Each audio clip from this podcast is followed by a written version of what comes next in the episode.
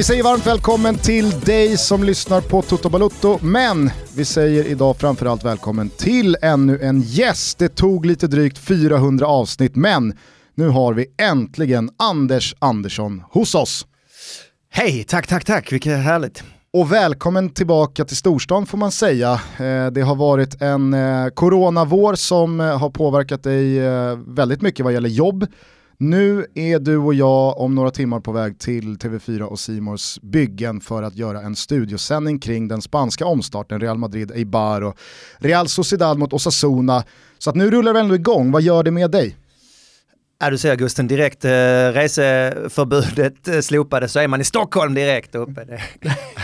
Nej, vad fan, det är ju alltså helt ärligt, man har ju haft fruktansvärd tristess. Jag har känt lite panik, för, eh, barnen hemma också, en del från skolan, då blir det, det går ett tag, det är mysigt, sen så jag vet inte. Man kommer nära varandra. Ja, man kommer nära, för nära ibland. Exakt. Nej, det är underbart, det är det också. Men vi, vi, jag skulle varit jobbat med EM nu, egentligen.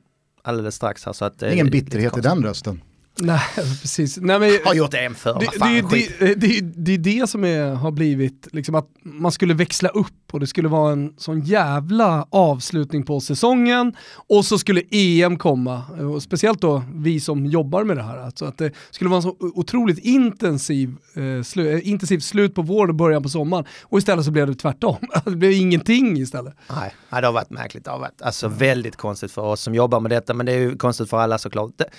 Det, som var, är lite lustigt, för du sa att vi ska jobba med spanska ligan idag igen. Jag var ju också på El Clasico i, i Madrid då, det var första mars tror jag. Och det var, det började lite så här, snacka med frugan hemma, ja du ska åka till Madrid, och flygplatserna då, då kanske man ska vara lite försiktig. Men det fanns ju inget mer första mars, då var man ändå sådär lite frågande till hela världssituationen. Och, och vi åkte dit och, eh, mm, så nu så Sen blev det ett break. Jag såg dig för några dagar sedan, kanske någon vecka sedan på Twitter, eh, utmana folk till att kunna sätta en boll i nät eh, bakom den förlängda mållinjen och det var en rejäl jävla spin du fick i den bollen. Men Även fast det var liksom en imponerande eh, liten eh, show du hade där så kände jag, nu är Anders uttråkad. Nu är han så jävla sugen på att göra någonting. Men den stora frågan, har ni testat det? Har ni Nej. sett det? Alltså, Thomas, jag, ska, jag ska göra det. Du måste göra det, ja. men ni klarar inte det. Jag tror att jag skulle, på tre, försök, på tre jag... försök löser jag det. Löser på tre försök? Ja, det gör jag. Jag antar utmaningen. Oh. Alltså jag, jag gjorde, det ska jag säga så här, det var min kompis, jag hade hjälpt honom med en grej, spelat in några småfilmer som han gör till vissa övningar, så, så, så sa jag till honom bara så här, kan, vi inte, kan du inte filma det här, jag ska testa en grej. Så jag gör det på första försöket, jag är sjukt nöjd, lägger bollen en meter bakom mållinjen och så skruvar in den så att säga. Eh, de här grejerna brukar ju ofta få någon sån här catchy hashtag-namn, så jag tänker att vi kan väl döpa det här till The Anders, Anders Andersson Challenge, och så kan eh, Toto Balutto-lyssnare då... Lång hashtag. AA-challenge då. Ja, där har du den. Ja, inte anonyma alkoholister utan Anders Andersson challenge. Och så kan väl våra lyssnare då filma sig själva när de försöker sig på. Och så kan du antingen få rätt i att det här lyckas inte många med, eller så kommer du bli smärtsamt medveten om att det du gör inte är så jävla märkvärdigt. Rolig sommaravslutning. Fan alltså, jag, själv så lyckas jag inte så ofta med det så det är därför jag ifrågasätter. Det är lite Gio Wallner-flipp över det. Men hur, har, hur är din familjesituation? Har du barn som idrottar och sådär så du har kunnat varit igång så och kolla på, på kidsen? Ja, jag har en dotter som i och för sig eh, i, i musikalvärld har hon börjat lite med och, och så den, den världen som hon har varit involverad i. Det har inte varit så mycket den, det heller nu. Men eh, lillkillen, han såg en match igår faktiskt. Eh, riktigt härlig tillställning nere i Tygelsjö söder om Malmö. Hur gammal är han? Han är åtta år. Är det svårt eh, att som gammal elitspelare liksom inte övergöda sin son eller sin dotter med tips och tricks och tänk på det här och gör så här eller är det, är det lätt att bara koppla bort och överlåta utbildningen till någon annan? Svårt. Det är svårt. Coachar du? ja, men jag har, nej, men alltså, jag har dragit mig från att uh, vara med ta plats. och ta plats och så, men man dras ändå in i det. Så jag är hjälptränare där eller hjälpledare med. Och, och uh, alltså, framförallt är det faktiskt så att han är så sugen på att lira hela tiden nu. Och det är skitkul. Men man står ju på matcherna som igår då. Det, viss, det, ni vet åttaåringar, det vissa, vissa sitter ner lite för att de tycker det är kul under matchen. Och sen så är vissa som är jättepå och vet hur man ska göra en överstegsfint och sånt där nästan. Den klassiska sägningen kring liksom de som spelade fotboll men som inte ville spela fotboll, i alla fall när jag var liten, då var det Sankt Erikskuppen här i Stockholm och det var nästan uteslutande matcher på grus. Det var ju att någon sitter och bygger sandslott i ena hörnet av planen. Jag vet inte hur ofta det förekommer numera när det är konstgräs och så vidare. Men Vet att bygga sandslott, det var vad- verkligen så här. Vet du vad de gör? Ärligt alltså. De samlar granulat. Det är, nya, det, det är alltså Alltså, nya sandslotten att, eh, att kidsen eh, går och samlar. Vissa kommer med liksom hela tröjan så här full med granulat, jättenöjda. Då vet man, ja ah, där är sandslottsbanan.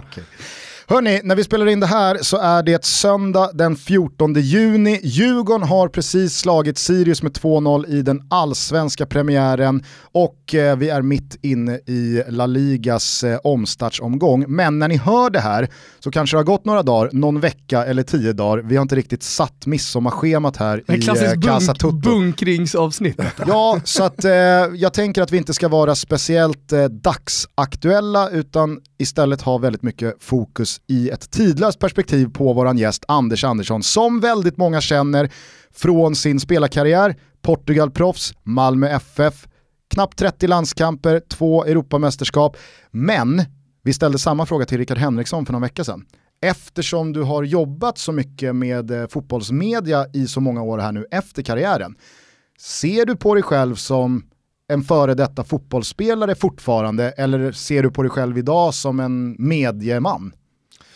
Bra fråga Gusten. Alltså eh, medieman vet i fan om jag vill gå med på. Man säger du är journalist nu säger folk till mig. Så, Aldrig i livet att jag är journalist. Jag är spel, spelare som har slutat. Men, The eh, dark side. lite, men nej, de har insett att journalisterna faktiskt inte är så dumma och har eh, fruktansvärt bra koll på det mesta eh, nu för tiden. Så att eh, nyheter som läcker ut vet man ju är finns ju oftast en sanning bakom. Därför får vi väl se Zlatan i Hammarby alldeles strax.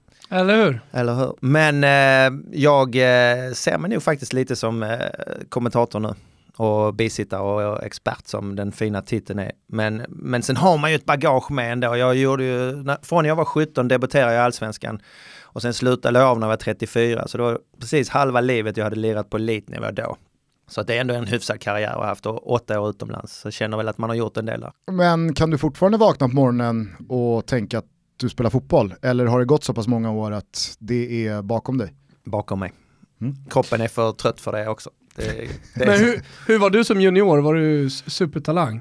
Ja, jag var det. Jag var ju sån här som gick... har man ju eh, hört va? Nej, men- Olen, Olen Klint brukar prata om, eh, Ja. om ni spelar väl fan ihop Ja, i Malmö FF va? Lite grann. eh, Jag var ju jag var från Österlen, från landet, men jag var en sån som, som eh, hade det lätt för idrott i allmänhet. Eh, klubbmäss- eller sån här distriktsmästerskap i längdhopp, höjdhopp, kast med liten boll och allt det här. Så kom väl upp och eh, spelade division 5-fotboll när jag var 14 och, och sen så upptäcktes av Malmö FF och debuterade som 17-åring som sagt i MFF som ändå var en stor klubb då också ju såklart. Hade vunnit allt på 80-talet, eh, senare halvan.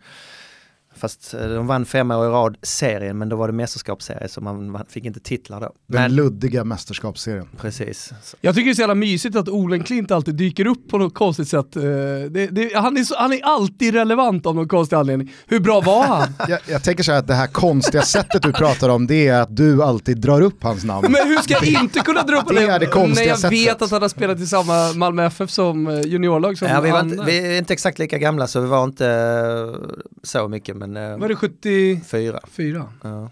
Fan, mig att Olen var 74. Nej, jag tror inte det i alla fall. Hörni, låt oss eh, prata mer om eh, Anders Klint! karriär, vad det lider när vi nu tar oss an en faktaruta. Fullständigt namn. Svenskt härligt, Per Anders Andersson. Där är fan inga konstigheter. Nej, det- Det är inte Rickard Henrikssons Luigi.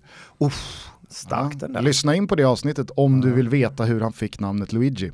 Ålder, 46. Hur skulle din bästa vän beskriva dig? För snäll. Alltså, Är det- är det- på naiv. Utanför, utanför, utanför, plan, utanför planen så att säga. Nej men jag, jag, nej, men jag kan väl tycka att snudd på naiv ja. Ibland, nej inte riktigt så. Men jag har väldigt svårt för att, eh, för att tycka eh, det här är orättvist. Nu har jag nog behandlat någon dåligt. Samtidigt som att jag efter den här liv i, i fotbollsvärlden absolut inte är konflikträdd när det väl smäller. Och säga vad man tycker så. Men, men jag gillar inte att komma i de situationerna. Nu sa du ju att det var utanför plan, men kunde det även ta sig uttryck på plan? Och då tänker jag kanske i ett större så här karriärsperspektiv. Ja det är precis det jag har fått av några kompisar som säger fan om du hade tagit för dig lite mer, varit lite tuffare. Tommy Söderberg sa det till mig, när vi, han var ju U21 förbundskapten först innan det blev A-landslaget och då var ju han min eh, förbundskapten och han, han sa ibland till mig det just men du måste ju våga lite mer, alltså kliv fram och så. Det gjorde jag inte. Är det, är det någonting man grämer sig över eller ja. är man bara så som person och så kan man acceptera det? Jag har gränt mig över det. Jag har gränt mig över det tidigare för att jag kände när jag kom till Blackburn framförallt, och jag har spelat sex år i allsvenskan. Och ändå så eh, var jag lite för försiktig där borta. Så att eh, det kände jag väl kanske att jag borde, då borde jag varit tuffare. Känns som att Blackburn sent 90-tal, då var det äta eller ätas mentaliteten som gällde. Man kan säga så här att det var ett jävligt bra lag. De vann ju ligan två år innan jag kom dit, Premier League alltså. Så att eh, det var rätt schyssta spelare men det var lite äta äta sig. Vad, vad var det för konkurrerande mittfältare du, du stridade mot? Storstjärnan eller lagkapten var Tim Sherwood som ju var, eh, ja som de flesta känner igen som tränare sen också. Och sen uh, hade vi det som Gary Cro Flitcroft, uh, Billy McKinley, Skotts landslagsman och sådär. Så det var, inte, det var inte så, just själva där borde jag kunna ha tagit en plats egentligen. Det var inte superskrämmande.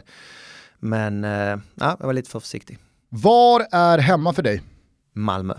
Tycker du att det var rätt eller fel av Helsingborg att kicka Sören Kratz efter dennes förvisso alldeles för långa men också fullt begripliga ärevarv på Söderstadion 2002?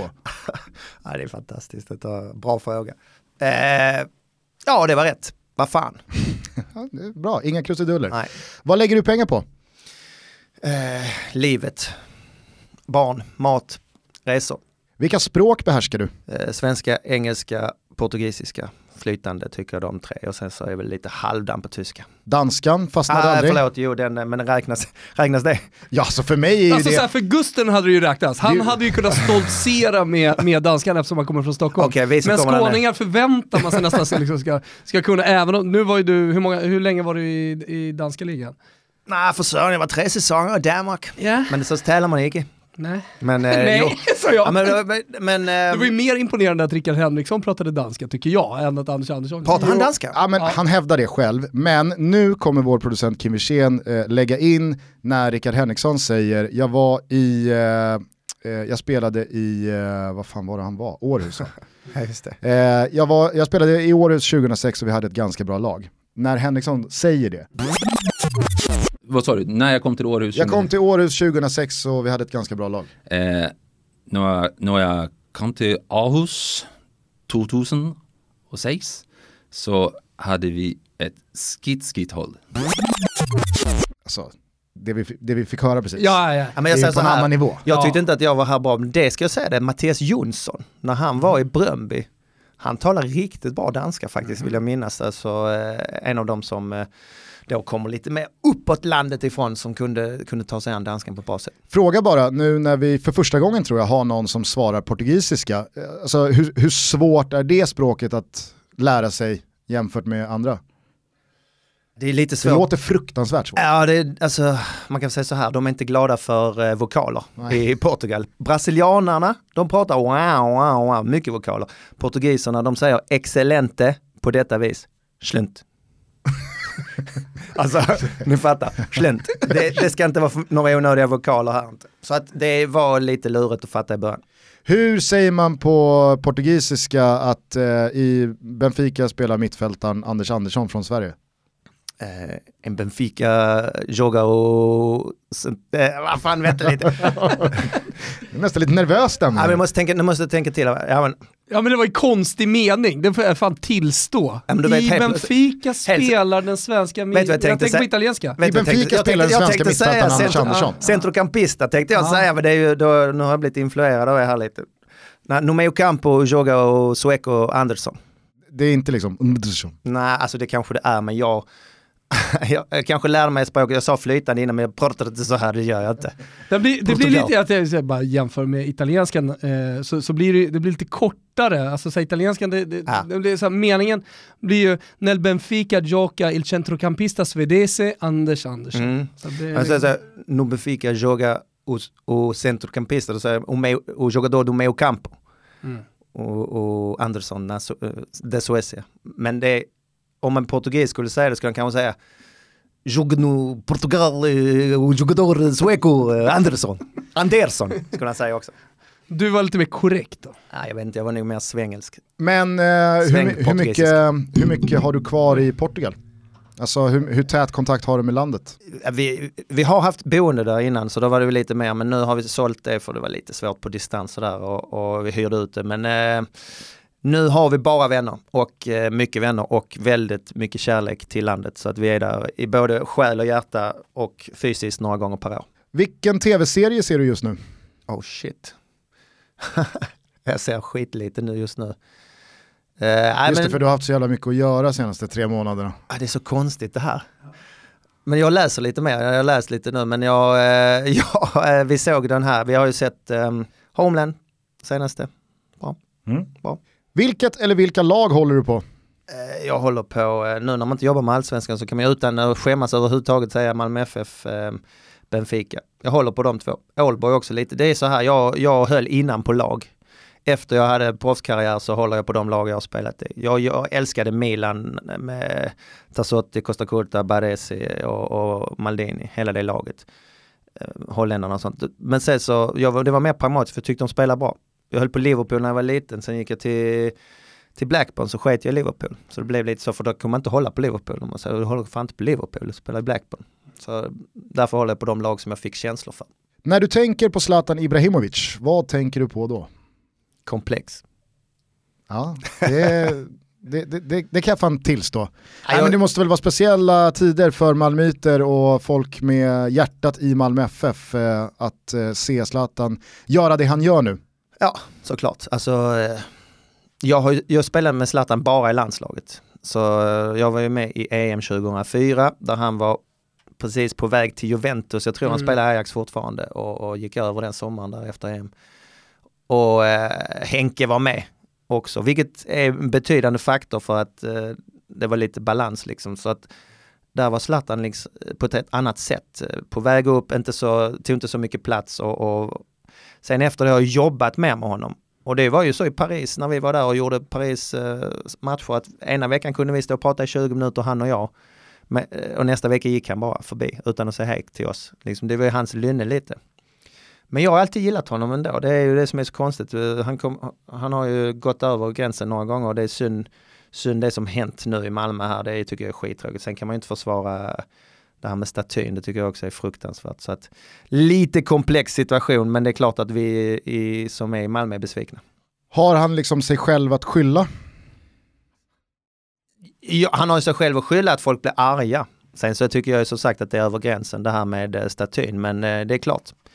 Så, så som han gör utan att nämna Malmö när han tar upp Hammarby-grejen. det är klart att Malmöbor blir eh, förbannade. Du hintade ju här eh, tidigare i avsnittet om att om vi nu ska tro på allt som står i media så kommer snart Zlatan spela i Hammarby. Eh, är, är det det som sker i ditt huvud när du tänker på framtiden? Alltså med Zlatan ja. Ja men jag, men, alltså, det var jag sa tidigare, media, man har lärt sig att eh, det kommer mycket ut och, och om man känner Zlatan rätt också så är han sugen på att göra någon sån grej. Bara för att. Senast idag, alltså söndag 14 juni, så var det väl i Gazettan att han spelar klart kontraktet, ska lösa en Europa League-plats för Milan och sen så ska han spela Hammarby. Exakt.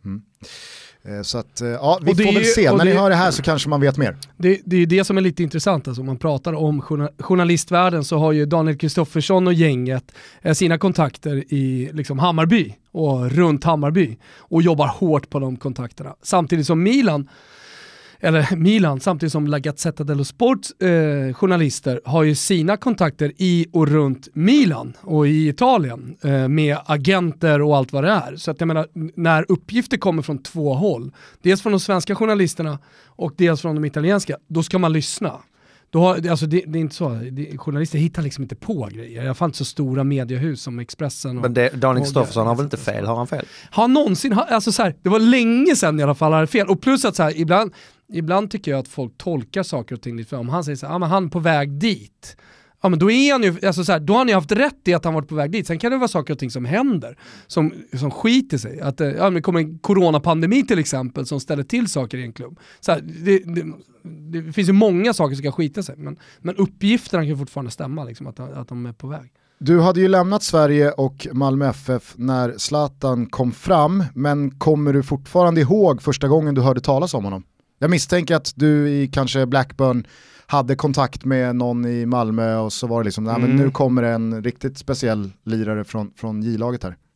Det, det, var väl lite senare faktiskt, jag tror jag var i Ålborg, det var runt uh, millennieskiftet där, 99-00 okay. tror jag. tror jag, jag var, det var lite sådär, jag hörde inte så mycket, det klart man hörde om det, men inte sådär att wow, här är någon så det var ju mina gamla, man har ju sett de här filmerna också, jag vet inte om ni har sett uh, Blådårar Blådåra, ja. två där, där är Vi ses i baken. Alltså jävla roligt, Hasse Mattisson får ju också lite där han, alltså jag kan ju säga så här, hade jag varit spelare också, det kom upp en, en junior och kaxar och sådär, det är klart som fan att man hade sparkat ner honom. Han håller ihop det bra i omklädningsrummet där, Hasse Mattisson, när han säger att Nej, men det är klart att det är kul för honom. Är... Hasse var inte helt nöjd kanske, han fick slita, Hasse var ju en sån som man skruvade upp eh, på ryggen och sen sprang ja. han i 90 minuter, så jag tror han tog några extra löpningar där kanske för, för Zlatan också. Men det är svårt att säga, alltså helt ärligt, vem säger att det, ska bli en, en briljant eh, fotbollsspelare av en sån, sån ung, och, och, när man då är kaxig som ung, jag har ju, jag sprang, alltså, det har ju varit träningar där jag, där jag har skämts efteråt. När jag inser att kanske, jag kanske var lite hård mot den där unga killen och eh, när jag höll upptaktsträffen eh, för några år sedan för, jag tror det var superettan då, Raves Lavan som spelade i Dalkurd då. Han var ju ung i MFF. Så hade jag pratat om Tommy Arvidsson i Halmstad som Jekyll and Hyde. Ja, han är ju jättefin kille utanför men fy fan man hatar honom på plan. Och när jag kommer upp och ska ställa några frågor så säger han så, viskar han till mig, det är precis så som jag tyckte om dig. så att eh, man var inte så snäll alltid på plan. Men den där egenskapen hos spelare, eller den där miljön och den, eh, vad ska man säga, djungens lag som råder i ett fotbollslag.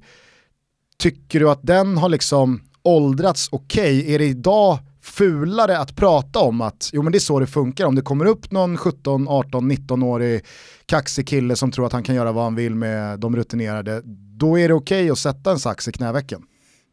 Alltså det här är ju, det är ju väldigt bra att du ställer frågan men det är ju jobbigt att svara på den för att egentligen så är mitt svar att jag är ju den gamla skolan lite grann. Mm jag sa jag var väldigt snäll och, och sådär för snäll ibland men jag, jag klarar inte av när det kommer upp en ung kille och kaxar för mycket. Sen så är det ju så att för mig har det alltid varit så, ja men varför ska inte de unga bära alla grejerna? Det har ju vi gjort. Det här det är ju förlegat, jag vet att det är förlegat tankesätt. Samtidigt så tänker man, ja men alla kommer, alla blir äldre någon gång och sådär. Så det blir ju, jag fattar att det blir bättre när man eh, hjälps åt. Men jag, jag kan tycka att eh, jag lärde mig rätt mycket i Malmö. Alltså det, det var ju så i början att jag, när jag kom upp i A-laget och tränade, och Malmö FF är ganska tufft. Det är ju liksom en rätt hård skola så i början. Ja, man passar kanske iväg bollen någon gång när man kunde hållit i den lite längre, men man vill inte bli kapad. Så Nej. man passar den heller. Alltså det är lite så.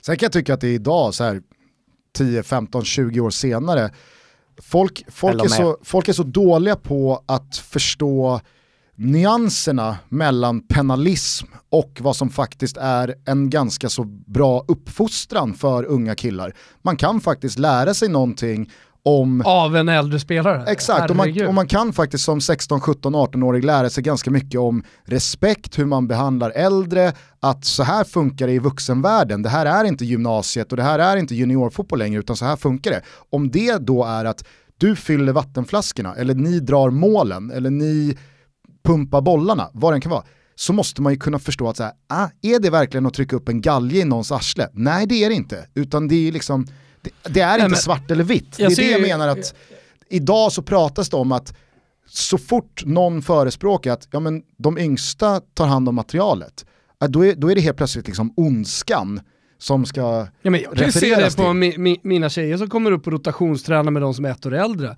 Jätterespekt. Och de, de eh, liksom tar bort flamset och allting. Så jag menar, och det, det kan ju jag använda mig av som ledare sen. Så som, ni, så som ni beter er där uppe när ni är med dem, så ska ni bete er även när ni är här. Lyssna och liksom göra allting, ta ja. bort materialet till Bra. exempel. Så. Ja precis, jag tränar eller hjälper till med ett mm. åttaåringslag. Mm. Det, det, det, är lite för ungt egentligen. Det är lite ordning och reda är kanske inte det primära där. Men jag, jag, det är väldigt många som har det du sa Gusten där också, att eh, ha respekt för äldre, det måste du ha när man är privat. Alltså som man åker, nu ska vi gå bort till mormor och morfar, nu måste du visa att du klarar av det här och så säger man till sina barn. Men då, då borde man också säga till, på fotbollsplanen, om man förstår det här, att det är faktiskt så att han har gjort åtta år i, i eh, Premier League och nu kommer han hem och stöttar laget här och gjort 42 landskamper. Se och lär lite och visa lite respekt för det har faktiskt gjort någonting. Mm. Eh, innan vi släpper Zlatan bara, det är inte varje dag vi sitter här med någon som faktiskt har spelat med Zlatan och delat plan med honom. Kunde ni, eller kunde du under era landslagsår ihop, se redan då att det här kommer bli en riktig jävla världsspelare och vad hade han som fick dig övertygad om det i sådana fall? Alltså eh, tveklöst ja. Jag mötte honom också i Benfica en gång när, i en träningsmatch med Ajax. Är det då han gör det där riktiga jävla hästmålet? Nej, detta var, var en riktigt sån här tung, eh, tungtränad eh, Zlatan då. Han, han sa att de hade haft Koman tror jag, de hade tränat hårt. Han spelade väldigt enkelt den matchen. Ett och två tillslag, du vet, upp och forward, satte tillbaka som nia där i Ajax. Men vi snackade efteråt, han sa det liksom, ah, fan, så jag kände det här har varit riktigt en hård period just nu. Men det jag kände i den matchen, jag spelar defensiv mittfältare, jag är 1,74 lång, han är 1,96. Alltså jag fick ju hans knä och sånt i revbenen och allt.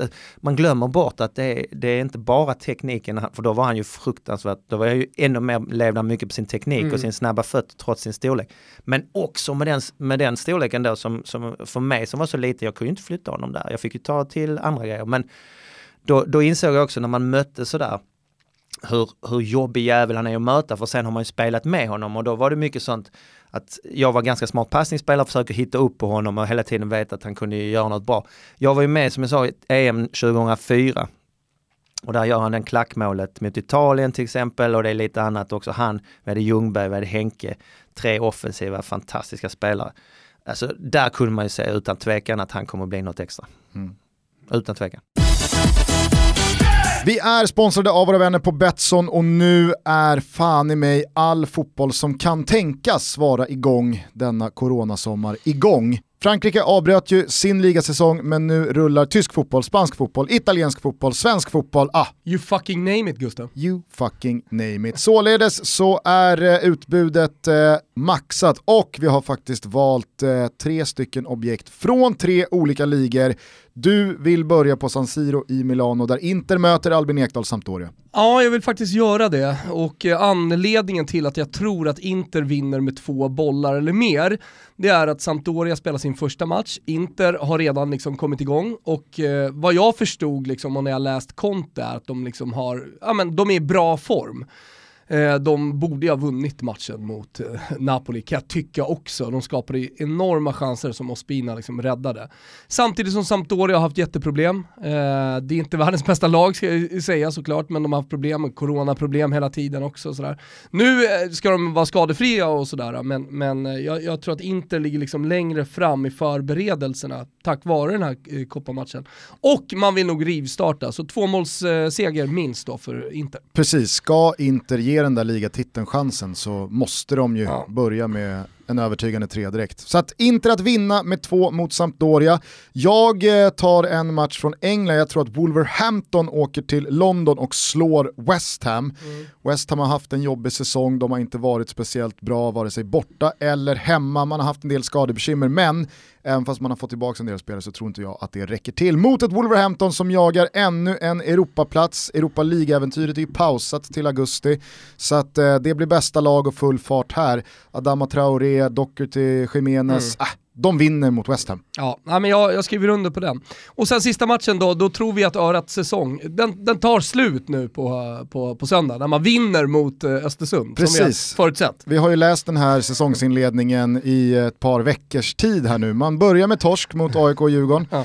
Eh, när ni hör det här så kommer de ha förlorat mot Djurgården. Ja. Och sen då, då så tar de en trea mot Östersund och så är liksom niondeplatsen deras eh, redan ja. i samband med midsommarfirandet. Ska man säga någonting eh, efter AIK-matchen så är ju att Jake Larsson såg jättebra ut. Alltså han kommer fira stora triumfer där ute till höger, eller vad han nu kommer spela, men det gjorde han mot AIK.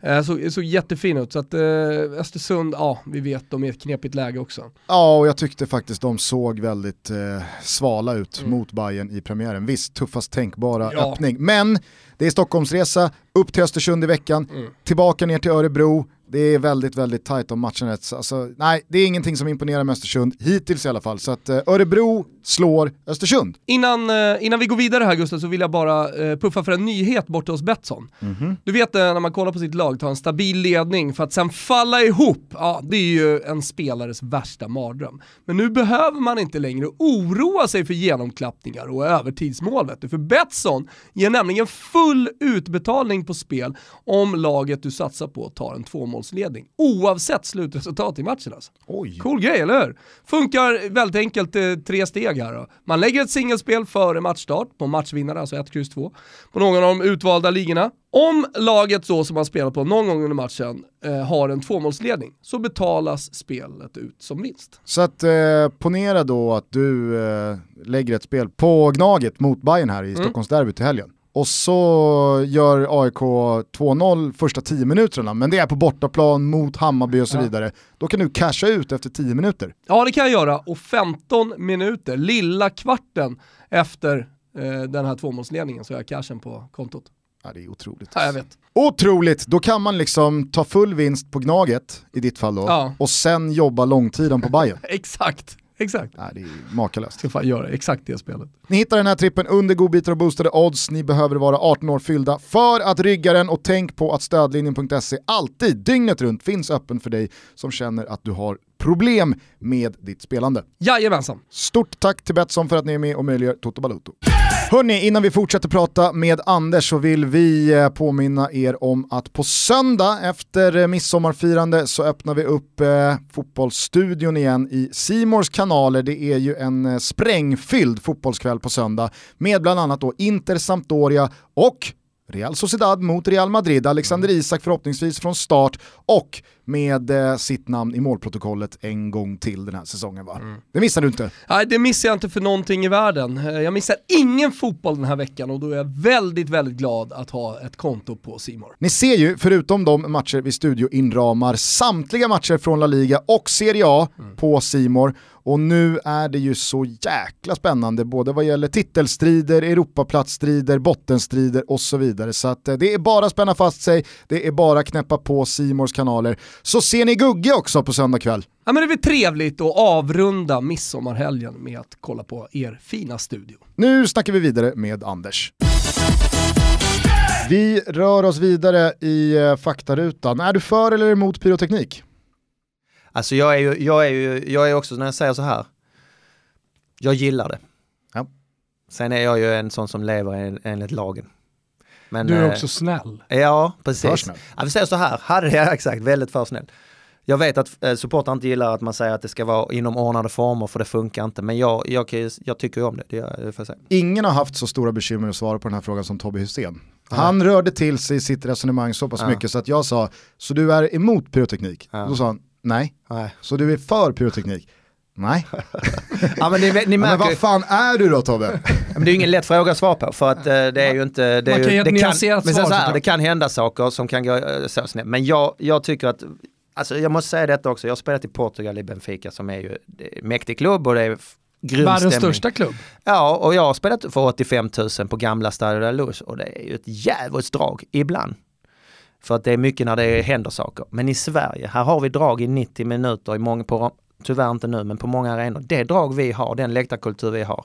Så sjukt stolta över det och, och när jag har jobbat med allsvenskan nu många år så, så det hjälper ju, alltså det ger en helt annan stämning. Därför säger jag att jag gillar, jag gillar det supportrarna gör och därför kan jag inte säga att jag är helt emot eh, pyro heller. Vem, vilka eller vad hade du på väggen i pojkrummet?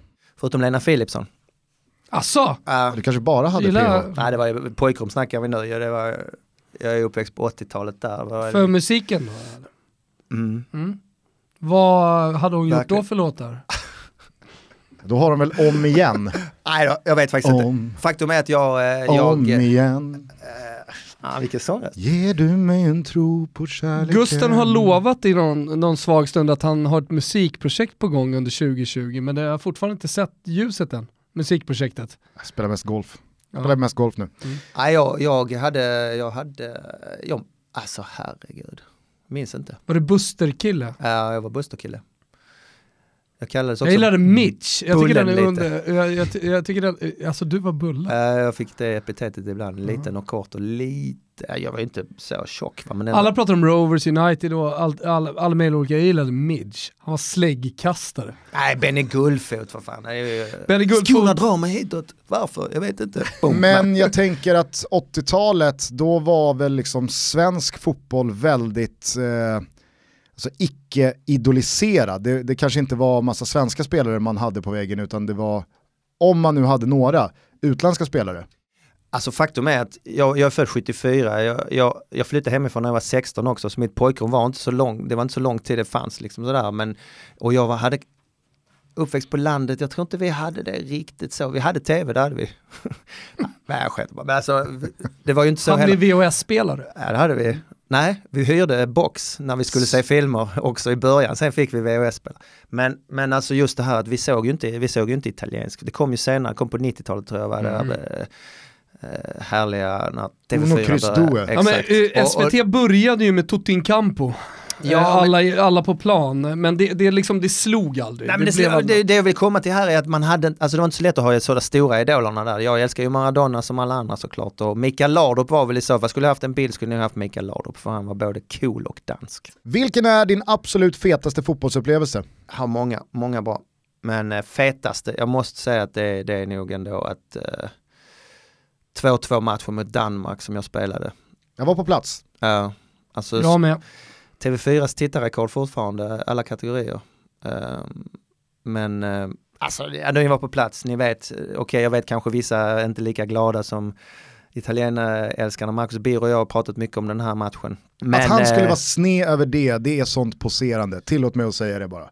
Alltså, Alltså helt ärligt, alltså, så som Lasse Lagerbäck, jag såg den matchen för inte så länge sedan igen för att Erik Edman sa till mig, fan du var ju riktigt bra i den matchen sa han. Har du sett den? sa jag, ja jag satt och kollade lite gamla matcher nu sa han, så jag var tvungen att kolla och det var, var faktiskt rätt bra. Men eh, den stämningen som var, och jag bodde i Portugal under den tiden också. Och Sverige med supportrarna, ni, ni vet hur det var där när det började den här gula vågen, alltså portugiserna älskar Sverige älskar svenskarna där nere. De sa fan de är jättetrevliga de, och festar och sjunger men inget bråk och det var verkligen positivt. Och, och allt det var det och vi, vi hade ett sånt grymt lag. Så känslan den matchen som var så stor, så viktig, tror jag nog är det största för mig.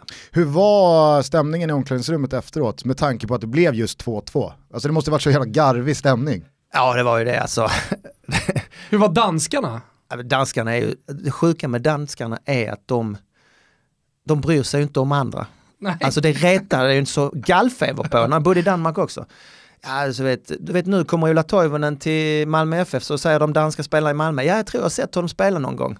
Men vad fan liksom.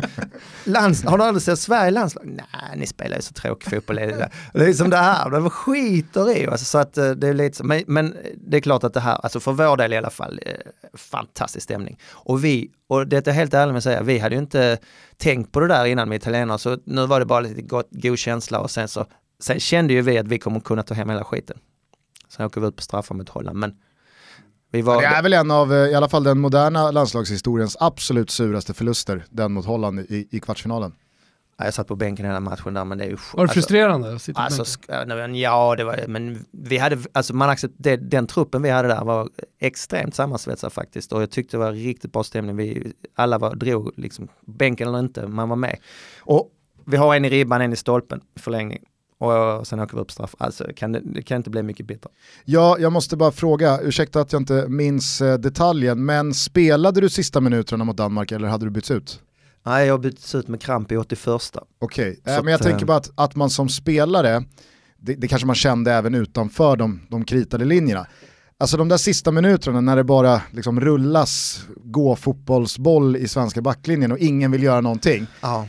Tänker man bara, skitsamma, eller är det Mm. ändå lite pinsamt?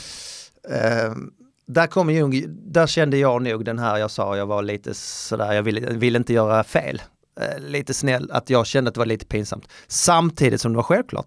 Mm. Det går, jag tror efter avsparken där så är det lite, jag har ju sett matchen precis, så det är lite spel nere vid danska hörnan, Zlatan är där och jobbar lite, det är lite eh, riv och slit och så det, om ett inkast och sen går bollen ner till vår backlinje. Och då går inte de på. Nej. Och Erik Edman har ju, tycker det är fruktansvärt roligt i och för sig i efterhand att han gör en Cruyff-fint och vänder tillbaka och spelar hem. Han har inte en spelare mot sig på 20 meters avstånd. Men, men, och då garvar vi ju. Vi vet ju att vi är klara och det är, det är det som är det viktigaste. Så det var en fantastisk känsla. Nej, men jag, kan- jag, jag, alltså, jag vet att jag pratade med, med farsan om det för att det var jag och han som var på plats och då sa pappa så här, alltså det är helt fine och försvarbart att det såg ut som det gjorde sista minuterna. Men tänk om det där 2-2 målet hade kommit i 75 Då hade det ju blivit svårt att försvara om det hade sett ut sådär längre. Nu är det liksom, klockan slår upp på 90 Men det hade inte ganska så sett ut snabbt så efter 2-2 målet. Inte riktigt, sen kanske inte hade varit samma närkampsvilja liksom. Nej men alltså, det är ju, det är ju en hypotetisk fråga men det, är ju, det hade varit väldigt konstigt att spela. Det var den här, vad- vad var det, Västtyskland eh, som gjorde det, uppgjord match någon gång tidigare. Just det var väl i VM 82 där mot, Ja. eh, det är något afrikanskt lag som Ryker, åker på, ja, Alger. Algeriet eller något Jag kommer sånt. inte ihåg men det, det var ju, det var ju, det, så var ju inte det här matchen för var, vi pratar två minuter max, en och en halv minut kanske som bollen är liksom lite där det inte spelar så mycket. Så att, men hade det hänt, mm, Ja, så det hade är ju. Gusten, han, eh, han, han försvarar ju alltid det, liksom, att det, ja, men det, är det, här, det här är ju spelets regler. Liksom. Ja, men jag kan säga så här alltså, vi är ju båda vidare, varför ska vi Mm. fortsätta spela? Nej, nej. Alltså, det, det, är, det är ingen som tvingar oss att... att eh, gå, alltså, man kan ju prata om spelets idé, att göra mål, att vinna matcher. Men spelets idé i ett mästerskap är att liksom, ja, ta sig vidare från gruppen. Alltså, Det är samma sak varje gång eh, Tre Kronor hamnar i det här läget som de alltid hamnar i, sista gruppspelsmatchen. Om vi torskar mot Tjeckien, ja, då får vi Schweiz i kvarten istället för Kanada. Tre Kronor ska alltid torska. Ja men då är det så här, ja men torska då. Alltså vad fan, skyll inte på Tre Kronor att turneringen är så pass dumt utformad så att man vinner en fördel av att gå emot spelets idé, alltså att vinna en match. Då utnyttjar man ju bara systemet för att ge sig själv en fördel som man kan få. Alltså jag som är så gammal, eh, jag såg ju Dan, vi som är från Skåne också, vi, när inte vi var i VM så höll vi på Danmark 86. Grymt lag, fantastiska profiler, vinner mot tyskarna i sista gruppspelsmatchen om jag minns rätt.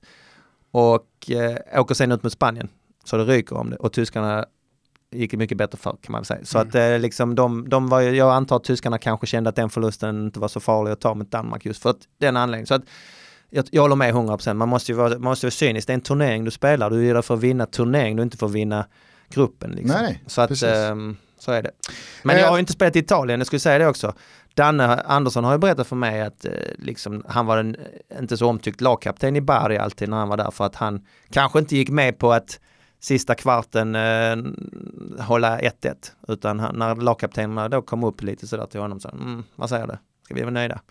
Så bara, vad fan är det här? Skit, eh, vi spelar för att vinna liksom. Ja, ja, det kan man ändå Du förstå. hade passat i Italien.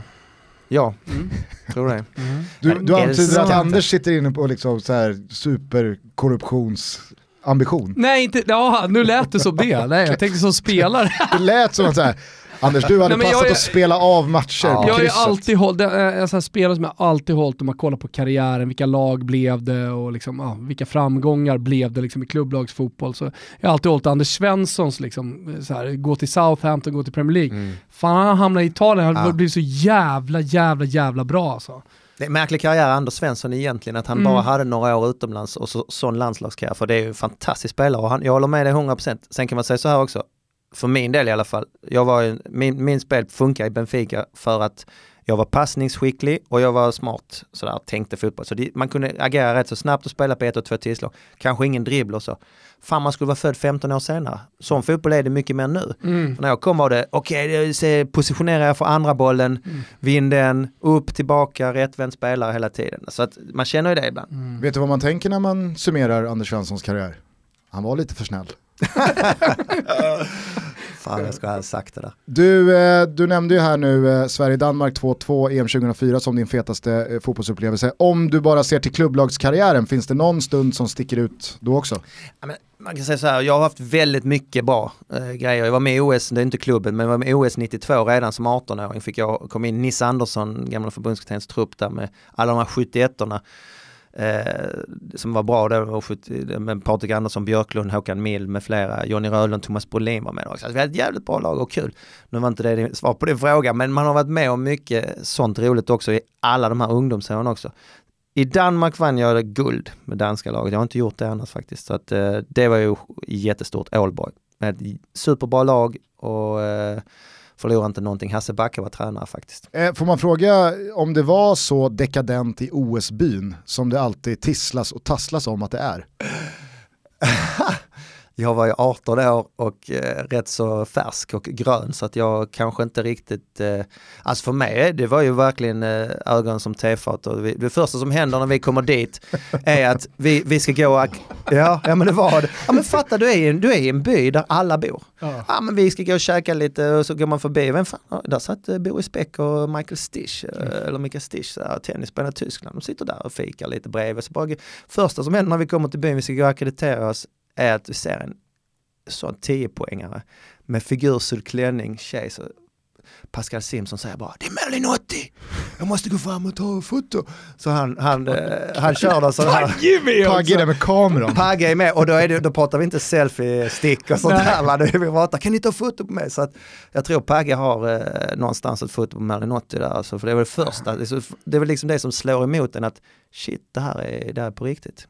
Ja. Mäktiga Merlin 80 alltså. Jag kan säga så här, Otroligt. det var ju stjärnor. Det var stjärnor överallt och detta var också när Dream Team hade sin, men de bodde, inte, de bodde på eget hotell. De det körde var, egen. De körde det hade i och för sig varit jävligt mäktigt eh, om eh, man i avsnittet här av The Last Dance, när ja. de är i Barcelona 92, ser hur liksom Pagge, Anders Andersson och Johnny Rödlund flimrar förbi. Står med Merlin 80 i bakgrunden och tar bilder. Du, jag har inte kommit dit, jag har bara sett fyra avsnitt, eller för tre och en halv. De, är alltså, de har med ja, det där. Det, det är ett avsnitt där det är väldigt okay, mycket okay. Dream Team och, och Barcelona. Så. För att det, där kan jag berätta roliga grejer också, just om eh, deras storhet. Eh, vi sitter på en eh, friidrottsarena och kollar Liksom, har ni varit på friidrott någon gång, stora mästerskap? Mm. Alltså ibland händer ingenting. Det är mellan, mellan grenar och sånt och så det är liksom lite lugnt och så, så är det något, kanske någon kula eller något sånt där nere. Alltså, helt plötsligt en bit ifrån oss hör man bara wow! Publiken bara börjar jubla. Tänk, vad fan var det? Hände någonting där jag missade? Ja, då är det Charles Barkley och Patrick Ewing som kommer in på läktaren för att kolla. du vet, folk går bananas för att de två, som inte ändå var Michael Jordan, Magic Johnson och här, men ändå, det var, jag kunde, man kunde ju alla, man kunde hela truppen. Mm. Det var ett sjukt bra lag, eh, basket och de var, de var megastjärnor. Men eh, när vi en gång gick ner för, eller jag satt och käkade, de var en sån jättematsal i OS-byn. Eh, all, man går och plockar, det finns ju buffé från Asien, afrikansk mat, europeisk, allt blandat sådär. Och så liksom, då var det, blev det vardagsmat att det var stora stjärnor så. Men helt plötsligt så är det så börjar andra utövare gå fram och fota vid trappan. Då är det Carl Lewis som kommer gående ner för trappan. På den tiden då var han... Eh, då var han big. Alltså, då var han big. Lewis. Mm. Alltså, Merlin 80, Carl Lewis. Mm. Ursäkta att jag lite då eventuellt ledande vill försöka nå något slags svar som innefattar Benfica och portugisisk fotboll, men inget liksom, minne från Benfica, de här största derbyna och alltså, de fullsatta husen på Estadio Dalus och så vidare. De sticker inte ut eller? Jo, alltså jag, jag, det är ju det som jag alltid säger först egentligen. För att om jag måste säga det att det finns så mycket att berätta med Benfica. Men så här till början, Roger Ljung var min agent. Jag, vi är på väg, han säger Benfica är intresserade, vill åka ner. Jättehäftigt tycker jag. Och kommer dit, säger han, ingen vet någonting. Vi går dit och skriver bara liksom på och gör läkarundersökning och så, och så får, släpper det sen. När jag kommer ut på flygplatsen så är det direkt liksom 5-10 journalister bara sträcker fram mikrofonen. Andersson, Andersson ska du skriva på. Alla vet det, det är så stort, alla vet allt. Sju journalister som bara skrev om Benfica. Så allting blev så mäktigt direkt. Vi gjorde en, den här jag sa jag spelade på för 85 000, vi spelade en träningsmatch mot Fiorentina.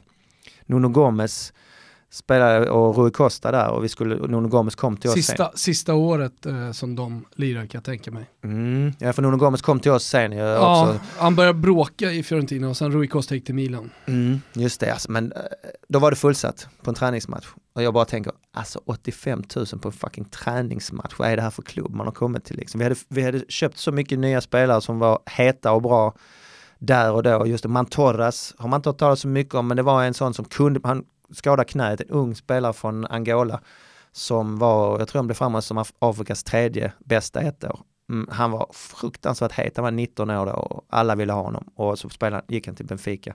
Simao Sabrosa kom, Zlatko Saovic som var stor då också efter EM 2000 och var mycket, mycket bra spelare. Och eh, vi hade 3-4 tusen på träningarna då liksom som, och det hade inte varit innan.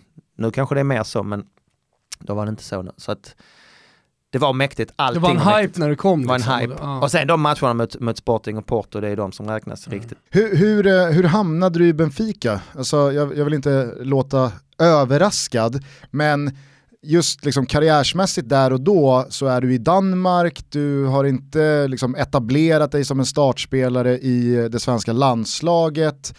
Ändå så tar en av världens största klubbar Mm. dig som mittfältare från danska ligan. Ja, precis. Alltså jag, jag eh, gick ju till Blackburn först 97 och fick inte spela mycket alls. Så då blev det lite hack i karriären. Byggde upp det igen med Hasse Backe i Ålborg där vi hade ett jävligt bra lag och jag blev lagkapten och, och liksom var med i sådana här årets mittfältare och, och, och var bra på den tiden, riktigt bra. Och så tror jag också att, sen är det ju kontakter och sånt hit och dit. De behövde en mittfältare, de behövde någon som kanske hade mina egenskaper. Eh, svenskar var väldigt omtyckta i Benfica efter eh, Svennis först och främst och sen Strömberg, Schwarz, Tern, Magnusson. Den typen av kultur spelar ju faktiskt roll. Ja men det gör det, utan tvekan. Alltså, eh, så omtyckta de är där och man fick mycket gratis tack vare eh, svenskarna. Svennis, eh, Svennis gjorde ju om hela Benfica kan man säga. Det, när han kom första gången så började han införa att man skulle komma i tid till träningar. Bara sån sak liksom. Ni Geni. fattar. Eller hur? Vilket geni han var, Svennis ändå. Det är, ändå, det är ändå något som revolutionerade i Portugal. Har, har man bott där fyra år så inser man att det, det krävs Jo men man, lite. man kan ju nästan tänka lite samma sak som Gustens jargong här kring Arsene Wenger, att man kanske inte ska kröka varje dag och käka skitmat. Nej. Eh, liksom, ja, vi äter bra och vi, vi, Vi går inte till puben vi efter blir träning. inte eh, liksom alkalister. Det, ska vi testa det kanske? Blir vi bättre? Ja men ibland är det faktiskt rätt svårt att, att rubba sådana kulturer också. Jag, ja, när jag spelade i Blackburn 97 då var det också fortfarande att man tog en, någon dag, någon gång i månaden sådär, men nu sticker vi till puben efter träning. Och sen så... Anders Limpar berättade att det var Ja. hela tiden på Ja, den men tiden det, han var det, där. Liksom. Så som de hade, var en- men jag kom, det var väl en... Ja, Några år senare. Mm. Några år senare skulle jag säga, men kanske lite samtidigt också. Men det var, hade skärpt sig. Och så hade vi Roy Hodgson som tränare i Blackburn. Mm. Då var det lite mer internationell style på det. Men alltså det med, det med Benfica är väl också att eh, jag vet att jag var jävligt förbannad på Roy, att jag inte hade spelat. Jag tyckte det var för dåligt. Jag hade ju kommit och jag var bra när jag kom till Blackburn, men han sa det är lite skillnad på allsvenskan och Premier League, vi tar det lite lugnt i början. Och det är det jag menar när jag var snäll, att jag bara, ja självklart, inga problem Roy.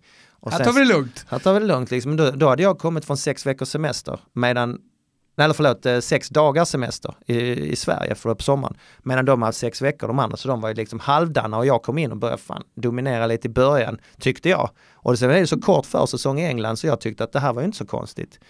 Jag håller ju samma standard som de andra. Problemet sen då var att jag fick inte spela och sen leder vi ligan, Premier League, efter 13 omgångar. Och det är ändå en tredjedel in. Och då bara var jag helt väck stort sett. Så då var jag så jävla irriterad för det. Men så tänkte jag säga någonting dumt och så gör jag inte det. Och sen får jag höra senare att ja, Roy Hodgson har ju också tipsat oss om det. Säger Benfica. Så att där har jag lärt mig väldigt eh, noga att eh, bit, eh, bita i tungan. Nu, nu var ju det en sedelärande historia som liksom slutade bra. Men jag har ju en teori om att spelare, och det, och det rimmar ju verkligen med att här, vara för snäll, men jag, jag brukar prata om det när vi pratar om Sebastian Andersson här, att han petas ofta, tror jag, för att han är ganska lätt att peta. Det blir liksom ingen stor grej av det. Det är inte en spelare som är känslig att göra upprörd. Kan det vara en betydande faktor tror du? Ja. Karriärsmässigt i stort men också kanske till vissa enskilda matcher. Att det är lättare att peta Anders Andersson för att man vet att då, då, det smälls inte i några dörrar och det blir inte ett jävla hallå och liv då utan Tveklöst så. Men, men där säger jag också, det var det som, så, så var jag i Blackburn. Men när jag kom till Benfica då var jag 27 år och hade ändå gjort en del A-landskamper och något, något EM och så här. Då hade jag lite annat i mig. Att där knackar jag på dörren ju. Där har jag ju varit knackat hos tränarens dörr flera gånger och sagt varför, varför spelar inte jag? Så att man lär sig det också, jag håller med, man måste vara obekväm för en tränare. Jag pratade med Jon Dahl Tomasson om det nu inför Malmös säsong här, för de har ju en eh, schysst trupp. Och många som är etablerade också, ganska liksom närmare 30 också. Sådana spelare är inte lättare på bänken eller inte ens med i truppen som det kommer att bli också. Och jag frågade honom om det lite. Ja men så är det, de får lära sig att eh, det är ju en storklubb man är i skandinaviska mått mätt, då måste man förstå det. Så sa jag, ja men eh, du själv har inte du varit i den sitsen? Jo, det har du rätt i och jag var jävligt jobbig för tränaren. Så. Jag gick och knackade och jag ifrågasatte så att det är lite komplext. Han får nog, man får nog förvänta sig att man har lärt sig lite det du sa Gusten, att ska man lyckas kan man inte vara för snäll. Så då måste man in och knacka. Nu, hade jag, nu har jag liksom samlat på mig tre följdfrågor men jag snappar upp den här direkt. Hur är harmonin i Malmö FF? Alltså som jag, jag har sett någon träning nu och då, det ser jätteharmoniskt ut. Sen så ser jag det här med Rasmus Bengtsson att det var lite snack om det och, och jag har inte, det har inte jag upptäckt. Men man har ju heller inte sett så mycket eftersom det har varit stängda träningar hela tiden. Men eh, det jag har sett när jag såg var det att det var väldigt intensivt och eh, bra stämning. Snyggt! Ja. Nej, för du har ju inte heller missat då att det har varit mycket snack om att det ska vara interna stridigheter och så vidare. Nu kanske det löste sig av sig självt då, i och med att Rasmus Bengtsson eh, blev skadad här nu och måste operera knät. Vilket är ett jävla avbräck för Malmö, mm. kan jag säga. Verkligen. Eh, hur skulle du annars vilja summera din tid i Benfica? Har du ibland känt att, hallå, jag gjorde en jävla fin tid i en av världens största klubbar, men här hemma så verkar folk mest bry sig om det folk gör i Premier League. Så kände jag när jag var där nere. Jag menar, inför EM 2004 då var det mycket, jag har sagt det här förr också, Olof Lund och jag har fan rensat luften en gång för att jag tyckte att de med Olof, Expressen med Olof i spetsen där var väldigt hårda mot mig. Vill inte ha med mig, vi behöver inga tolkar i, i EM och sånt här liksom. jag, jag tror... Jag, fan vad hårt sagt. Ja det är hård, den är hård. Alltså den tar lite, det var inte Olof som hade skrivit det men, eh, men ändå. Men då så, då så gjorde vi ju genrep mot Finland borta där jag spelar fram till ett mål och gör ett riktigt snyggt mål. Peter Hansson slår en djupledsboll, jag går in bakom backning, suger ner den över huvudet på, på vristen, alltså dämpar ner och skjuter på andra tillslaget. Otroligt vackert mål. Alltså, kolla tolken. Exakt, kolla tolken. Och sen så efter matchen står eh, André Pops och intervjuar och, och, ställer fram micken och du har fått lite kritik och, och eller du har ifrågasatts lite så här, men känns det bra nu för att bevisa motsatsen? Ni vet, fatta tankarna mm. i huvudet där, oh, nu jävlar ska mm. de få alla. Men jag bara, ja, det får stå för dem. Själv vet jag vad jag har. vad jag, jag, kan. jag kan. jag har visat det där nere nu. Det är inte så mycket fokus på Portugal men det har gått bra. Så att... når, eh, når all medialkritiken som spelare? Ja, det tror jag det mesta gör. Och jag tror att man, man, man läser inte tidningen men ändå vet man, för man, man vill. Jag var sån också, jag kan tycka, jag kan fortfarande känna sån ångest inför grejer man ska göra. Det vet ni också, ibland man ska alltså hålla i någonting kanske som vi får göra nu också, med någon upptaktsträff eller någonting och man, man känner att oh, det här kommer nog gå jag vill inte läsa tidningen innan vad de skrivit, nu är inte upptaktsträff kanske bra exempel, men ändå, fortfarande. Och sen efteråt känns det alltid skitsamma vad de skriver. Jag bryr mig inte egentligen då, för då, men man, man, man känner inför och jag tror, vi pratar om Zlatan exempel, tror han har rätt bra koll på det mesta också. Men nu, efter så här många år, efter karriären i den mediala fotbollssvängen, har du fått en ny förståelse för att ja men vad fan, folk i den här branschen måste ju också få tycka saker. Man måste ju få tycka att Anders Andersson inte platsar i landslaget, eller att Marcus Berg är för dålig, eller vad det nu är.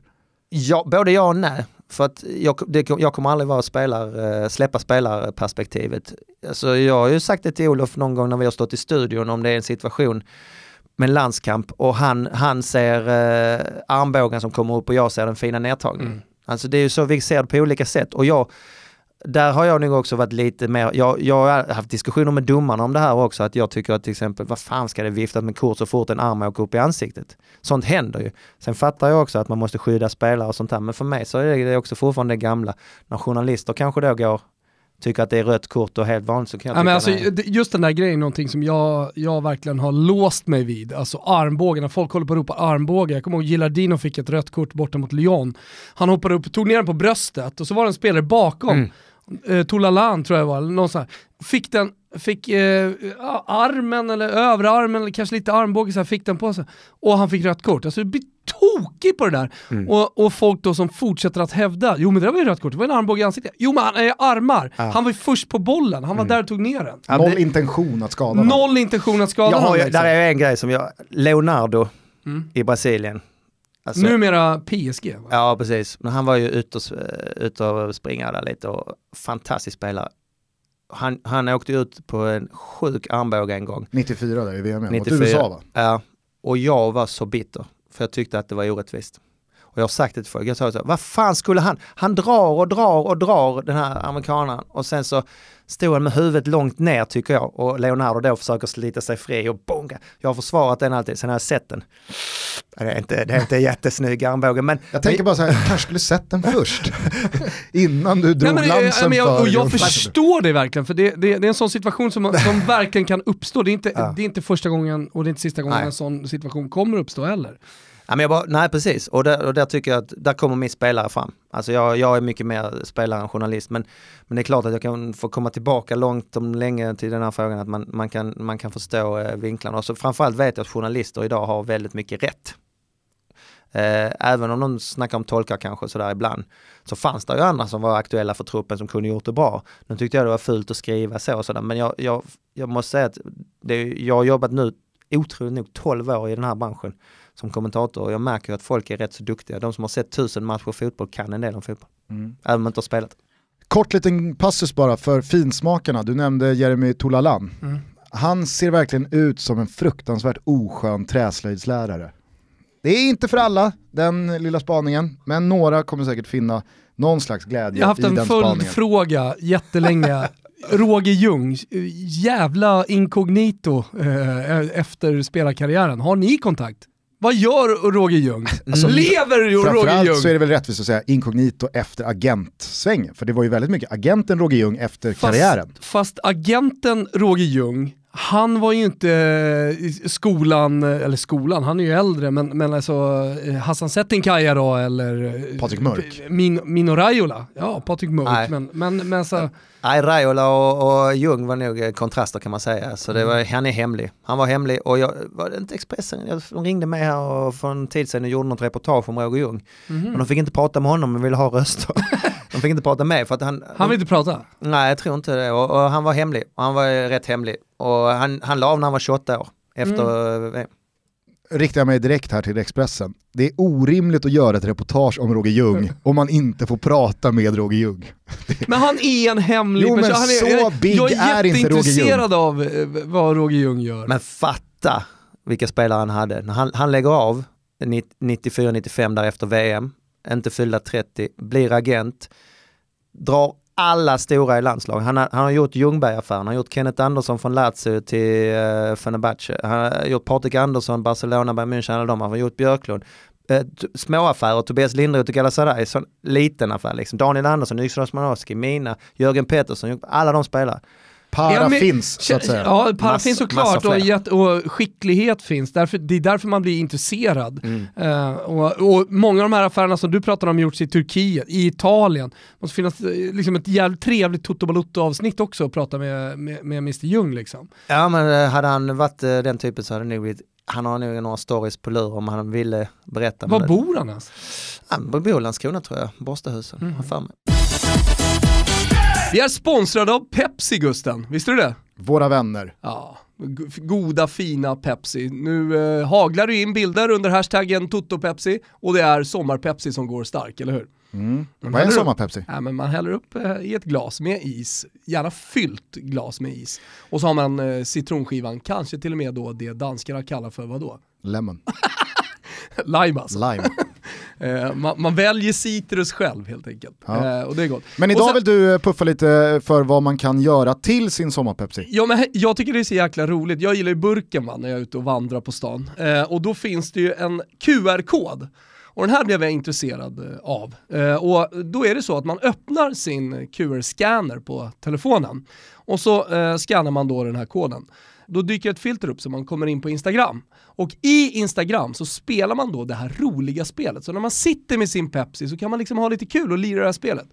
Tävla Eh, mot polarna också. Ja precis, det, exakt. Och så, så då vänder man på kameran och så tar man en bild. Jag ska göra detta på Totos konto så kommer du, kommer du se hur det funkar Gusten. Ah, okej. Det är väldigt roligt och det tipsar jag om. Köper ni en liten Pepsi-burk så scanna QR-koden, lira spelet, UCL Game. Stort tack till eh, Pepsi för att ni är med och möjliggör Toto Balutto så säger vi väl till alla att vi hörs i hashtag TotoPepsi. Mm, det gör vi.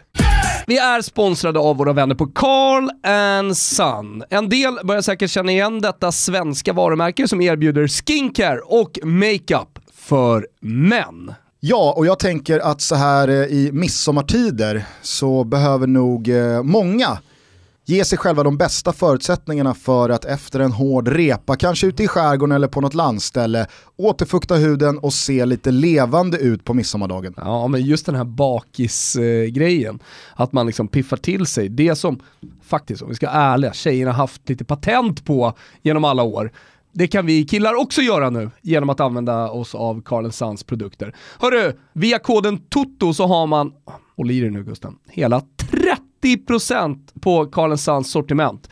Men det räcker inte med det, för nu har de också laddat på rejält. De har tagit fram ett Toto-kit som innehåller showergel, ansiktstvätt och en riktigt bra återfuktande serum värde 700 kronor. Men med koden får man de här tre produkterna för endast 399 och då snackar vi alltså över 40% rabatt. Man går in på carlandsun.com, Carl med C, och så slår man till. Det blir inte bättre än så här. Vad och sen du? så kommer ingen märka att det var en hård midsommarhelg. Så är det. Otroligt. Ja. Tack till Carl Sand för att ni är med och möjliggör Toto Balutto. Stort tack. Hörni, solen skiner och sommaren är här. Snart går många av er på semester och i och med att eh, det inte lär vara speciellt mycket utlandsresor på agendan så vill vi puffa för att införskaffa Spikeball. Ja, alltså man, man är dum om man inte gör det. Vilken jävla perfekt sysselsättning under denna hemmasommar. Ja, men du är på landet, du kanske bara är hemma, knallar ner på gården eller går ut på tomten, du kanske är på campingsemester, Eh, du eh, ska bara gå ner till din strand. Då tar du med dig ditt eh, portabla lilla spikeball spikeball-kit. Det är dags att skrota de gamla dassiga sommaraktiviteterna, krocket och eh, kubb. Spikeball, det är det nya svarta, man spelar två mot två, man ska hålla bollen i spel, det är lite som på volleybollmanér, tre touch inom laget och sen så ska bollen via då en eh, studsmatta med nät i mitten ungefär, eh, så ska bollen vidare till då nästa lag. Nej, det är jävligt roligt att spela, det måste jag säga. Så testa om ni inte har gjort det på spikeball.se så säljs de officiella tävlingskitten och Toto ger er 10%, alltså koden TOTO 10% rabatt på spikeball.se. Ja men det är mycket generöst, vi säger tack till Spikeball som är med och möjliggör Toto Balutto. Tack. Hörru du, det har ju blivit ett par matcher även från kommentatorshyllan de här 12 åren som du eh, precis pratade om. Vilken är den mest minnesvärda som sticker ut från alla dem? Åh, fan, skulle kan man förberett sånt här Gusten? Eh, någon bär man alltid med sig. ja, alltså eh, mäktiga matcher. Jag har gjort VM-matcher. Jag gjorde VM 2014 eh, med Robert Perskog, Maracana, Brasilien, Colombia. Oj oj oj, det är alltså eh, när Neymar skadas, Ja, och, får den i ryggen. Mm, efter att de har eh, konstant sparkat ner James Rodriguez också. Det, jag, jag, eh, alla som var sura för Neymar blev skadad, vilket ju naturligtvis var brutalt, ska man inte glömma bort att brassarna hade kört det liret rätt länge innan. Sen skickar väl David Luiz in någon eh, frispark från 30-35 meter. Han kunde ju göra de här eh, konstiga frisparkarna ibland. Alltså det var, det var framförallt det, vi sitter där, det är ett gult hav naturligtvis på läktarna. Det är då brasilianerna skriker ut nationalsången och gråter och har, alltså det är sån mäktig stämning. Man ser statyn, eh, Jesus-statyn uppe i bakgrunden. Liksom. Det är allt. Och så är vi på denna arenan fullsatt i VM. Pff, mäktigt. Blir Falkenberg-Kalmar eh, liksom lite futtig i jämförelsen eh, jobbmässigt eller är, är, finns, det, Något finns, annat? finns det härliga Ja. grejer med, med olika saker? Utan tvekan så för mig. Jag började ju på TV4 eh, som var splittat från Simor då. Alltså vi jobbar inte ihop alls. Så jag jobbar inte med Allsvenskan i början, då jag jobbade med Superettan. Så att jag är ju, min för, mina första år var Superettan, då, var- då, då var jag och landslaget. så jag, jag gjorde ju Ungern, Sverige i Budapest med Jesper Husfeldt på fredag kväll. Någon match jag kommer inte ihåg om det var när Oskar Wendt får bollen på handen. eller- Det var någon match i alla fall. Det var. Åker från Budapest sen till lördagen, åker hem till eh, Göteborg, landar på Landvetter och åker till eh, Ljungskile och gör Ljungskile mot något lag som jag inte kommer ihåg, där man går upp på vind. Starka Arvid. Starka Arvid, ja. Ja. Man går upp på en vind där med lite isolering som ligger. Det var, så, alltså, och det, jag älskar det, älskar det. Alltså jag eh, kommer själv från eh, gräsrötterna ute på Österlen, en liten klubb, division 6 debuterar jag där liksom. Där, där, man, där, det, där man kommer till reservlagsmatchen och sju av spelarna i laget kanske kom hem eh, någon timme tidigare, matchen startar liksom sådär. Det, det, jag har hört, alltså det har, man har haft de här storiesarna och så när man då kommer till sån här liten arena, älskar det. Har du hört skrönan om eh, Martin Åslund och Stark Arvid? Mm, ja. Han kommer till Stark Arvid, tror jag tillsammans med typ Niklas Jarelind för att göra någon superettan-match, Ljungskile mot något klassiskt superettan-gäng. Och så är det någon där i eh, katakomberna, inom, parentes, eller inom citationstecken kanske man ska säga, katakomberna, som frågar då, eh, grabbar vill ni ha något kaffe eller något? Och Martin Åslund då, i den här miljön säger, jag tar gärna en cortado. det, kan, det kan faktiskt Martin ha gjort alltså. så, han är så jävla älskvärd i den stunden Ja, Martin Åslund, äh, han liksom förutsätter att det finns cortado på. Ja, Han kör sin, han kör sin grej. Han kör sin, vi har haft skitkul faktiskt med det här superettan-gänget. Vi, åkte- vi satsade ju på superettan. Vi var uppe vi var på sådana- i Sundsvall och vi har studio. Det är Daniel Kristiansson, Niklas Jarelind, Martin Åslund, jag och så någon till. Liksom. Vi sitter där och går ut och käkar efteråt. Det finns fin italienare där uppe till exempel. Alltså ehm, underbart, roligt att göra de scenerna. Är du för eller emot VAR? Emot. Vem från fotbollsvärlden hade du helst velat dela en flaska vin med? Det finns ju några stycken. Eh, jag skulle nog, eh, alltså det blir ju lite sjukt med Maradona och sådana för det kommer ju vara utflippat, totalt utflippat. Men ehm, Flaskan vin övergår snabbt Mm. till någonting annat. liksom dricka tequila ur armvecket och sådär. ja, det är ju Och så. kanske annat. Alltså, eh, jag började, faktiskt inte sett den här dokumentären med honom på um, helt färdigt. Det är jättebra. Ja, jag började och sen så kom något Men emellan. fan vad man fattar när man ser den dokumentären, vilket annat tryck det var på spelare. Man pratar om att man bär ett landslag eller man bär en stad. Idag är det lite svårt att förstå. Vad då bär det? Trycket som vad? Du vet den Mm. svettiga presskonferensen när Mm. han kommer dit och Ja, det är ja. Liksom 300 journalister där inne, man ser liksom, det bara, det bara stinker svett och tåbira.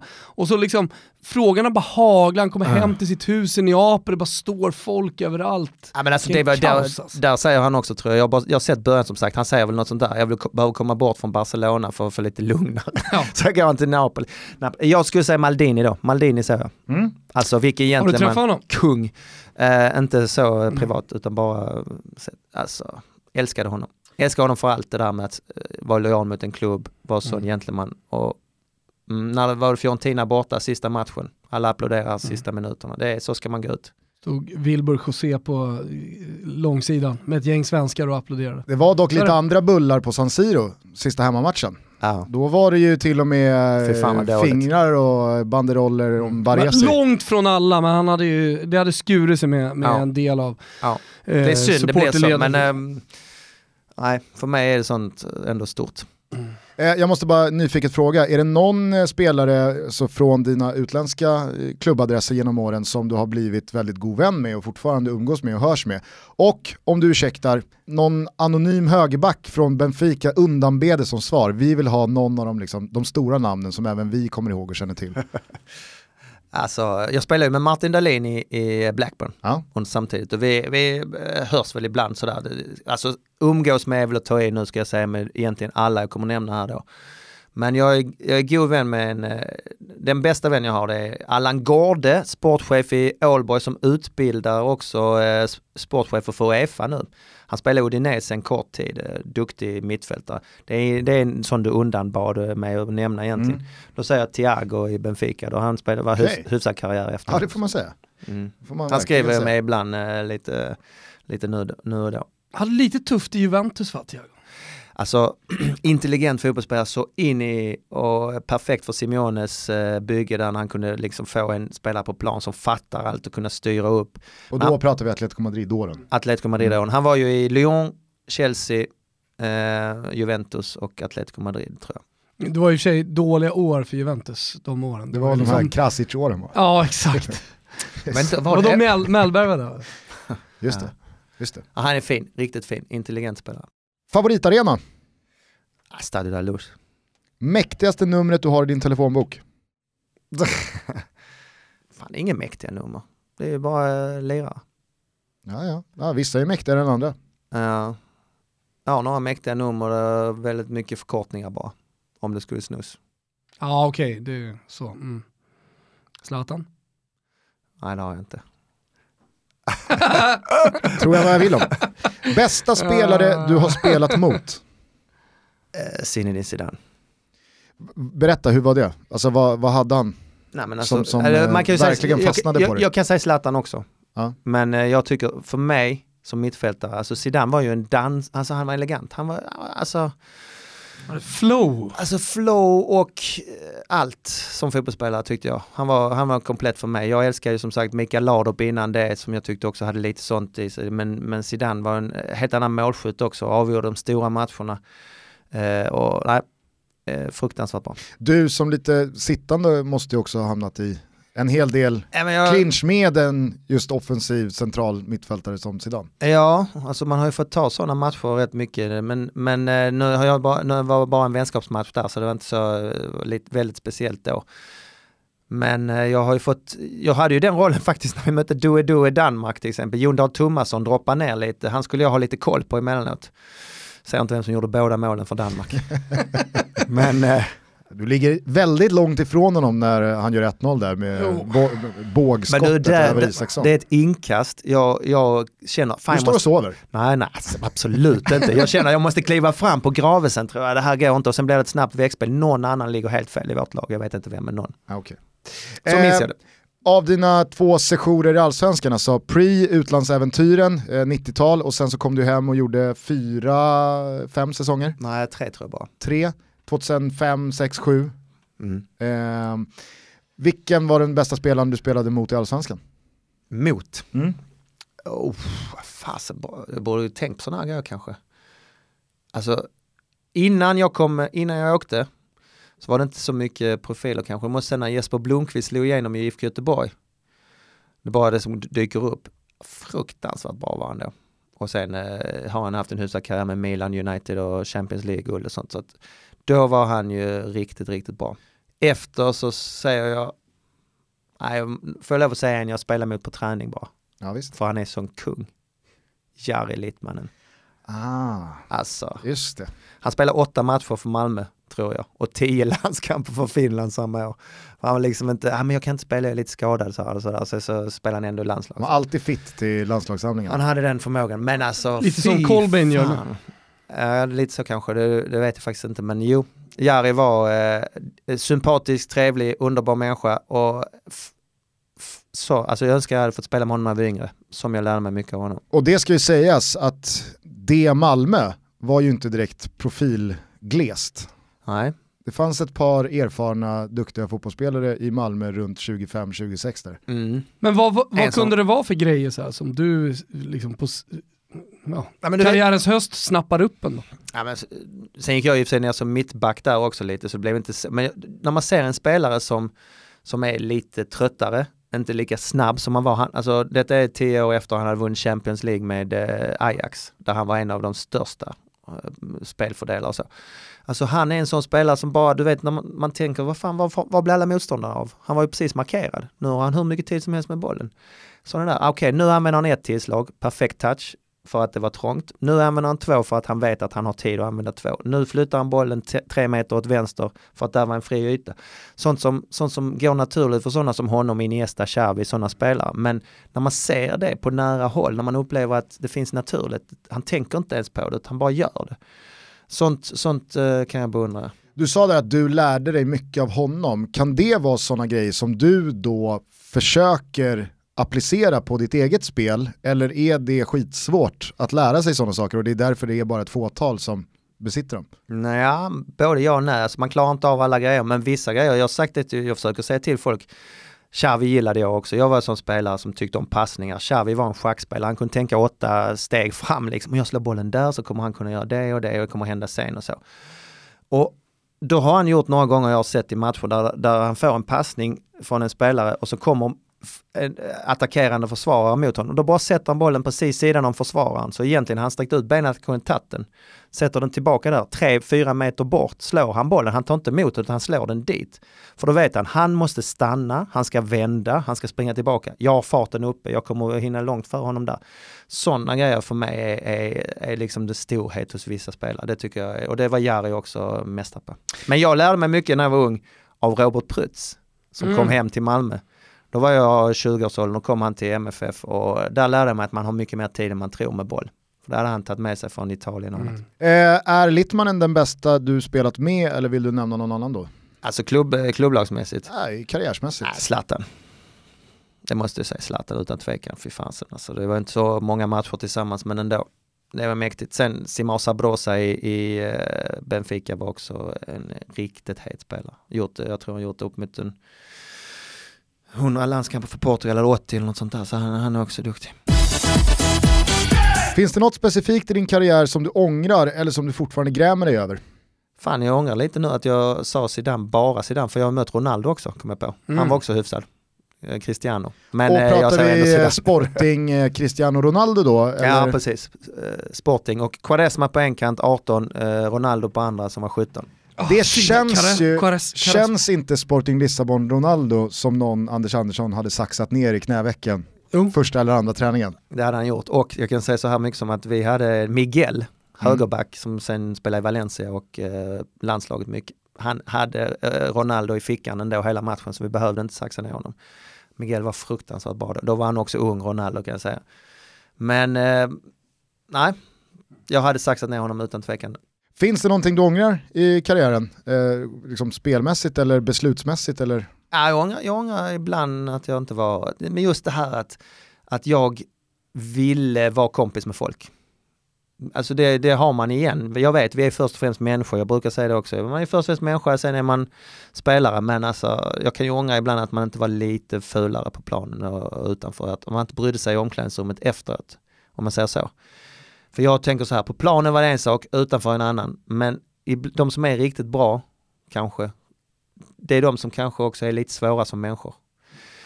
Eh, Nu blir jag motsägelsefull för egentligen så tänker jag att jag vill ju inte vara svår som människa. Jag vill ju vara en omtyp person, jag vill ju vara så. Så att jag kanske accepterar att det- jag ångrar mig nu, jag ångrar inte det.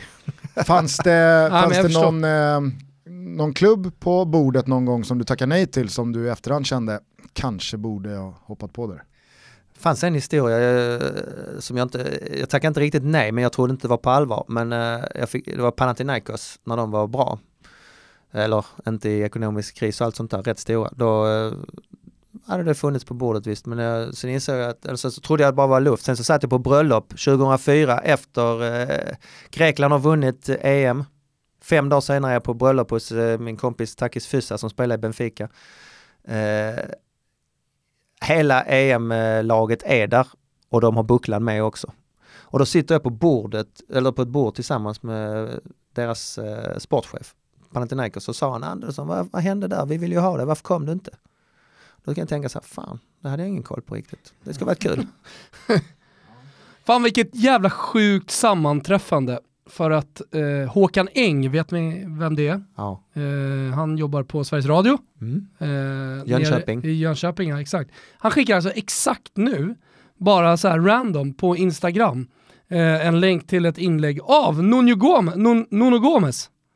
När han spelade i Fiorentina, så vi pratade ju fan om det. Jag har inte pratat om Nuno Gomes med någon i alltså så här På Fiorentina. fem år? Han pratar Någonsin- jag också med ibland, han har jag också lite kontakt med då och då. Han är ju Benfica-supporter. Ja.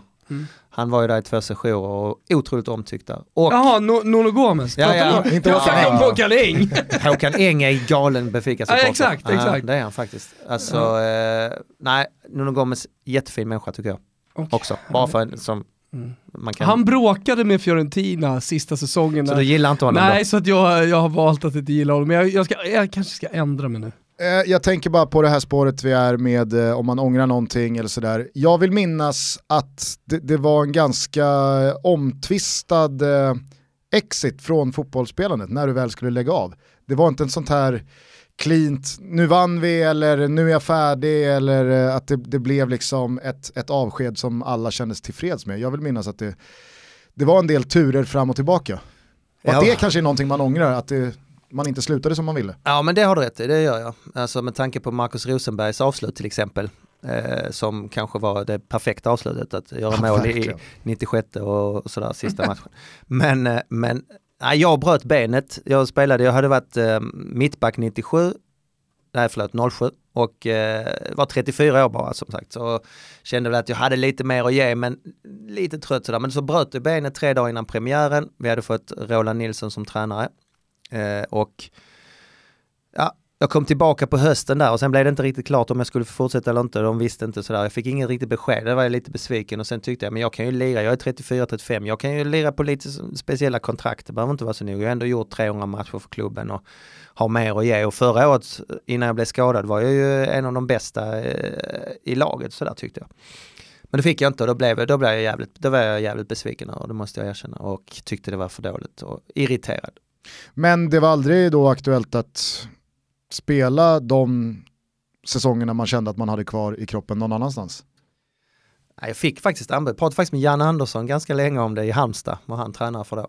Eh, och eh, hade lite prat. Men jag, jag fick ändå en sån trötthet där. Jag kände att jag har haft lite problem med min baksida. Okej, okay, kanske jag ska acceptera att jag inte kommer att spela 100. Jag kommer inte vara 100%.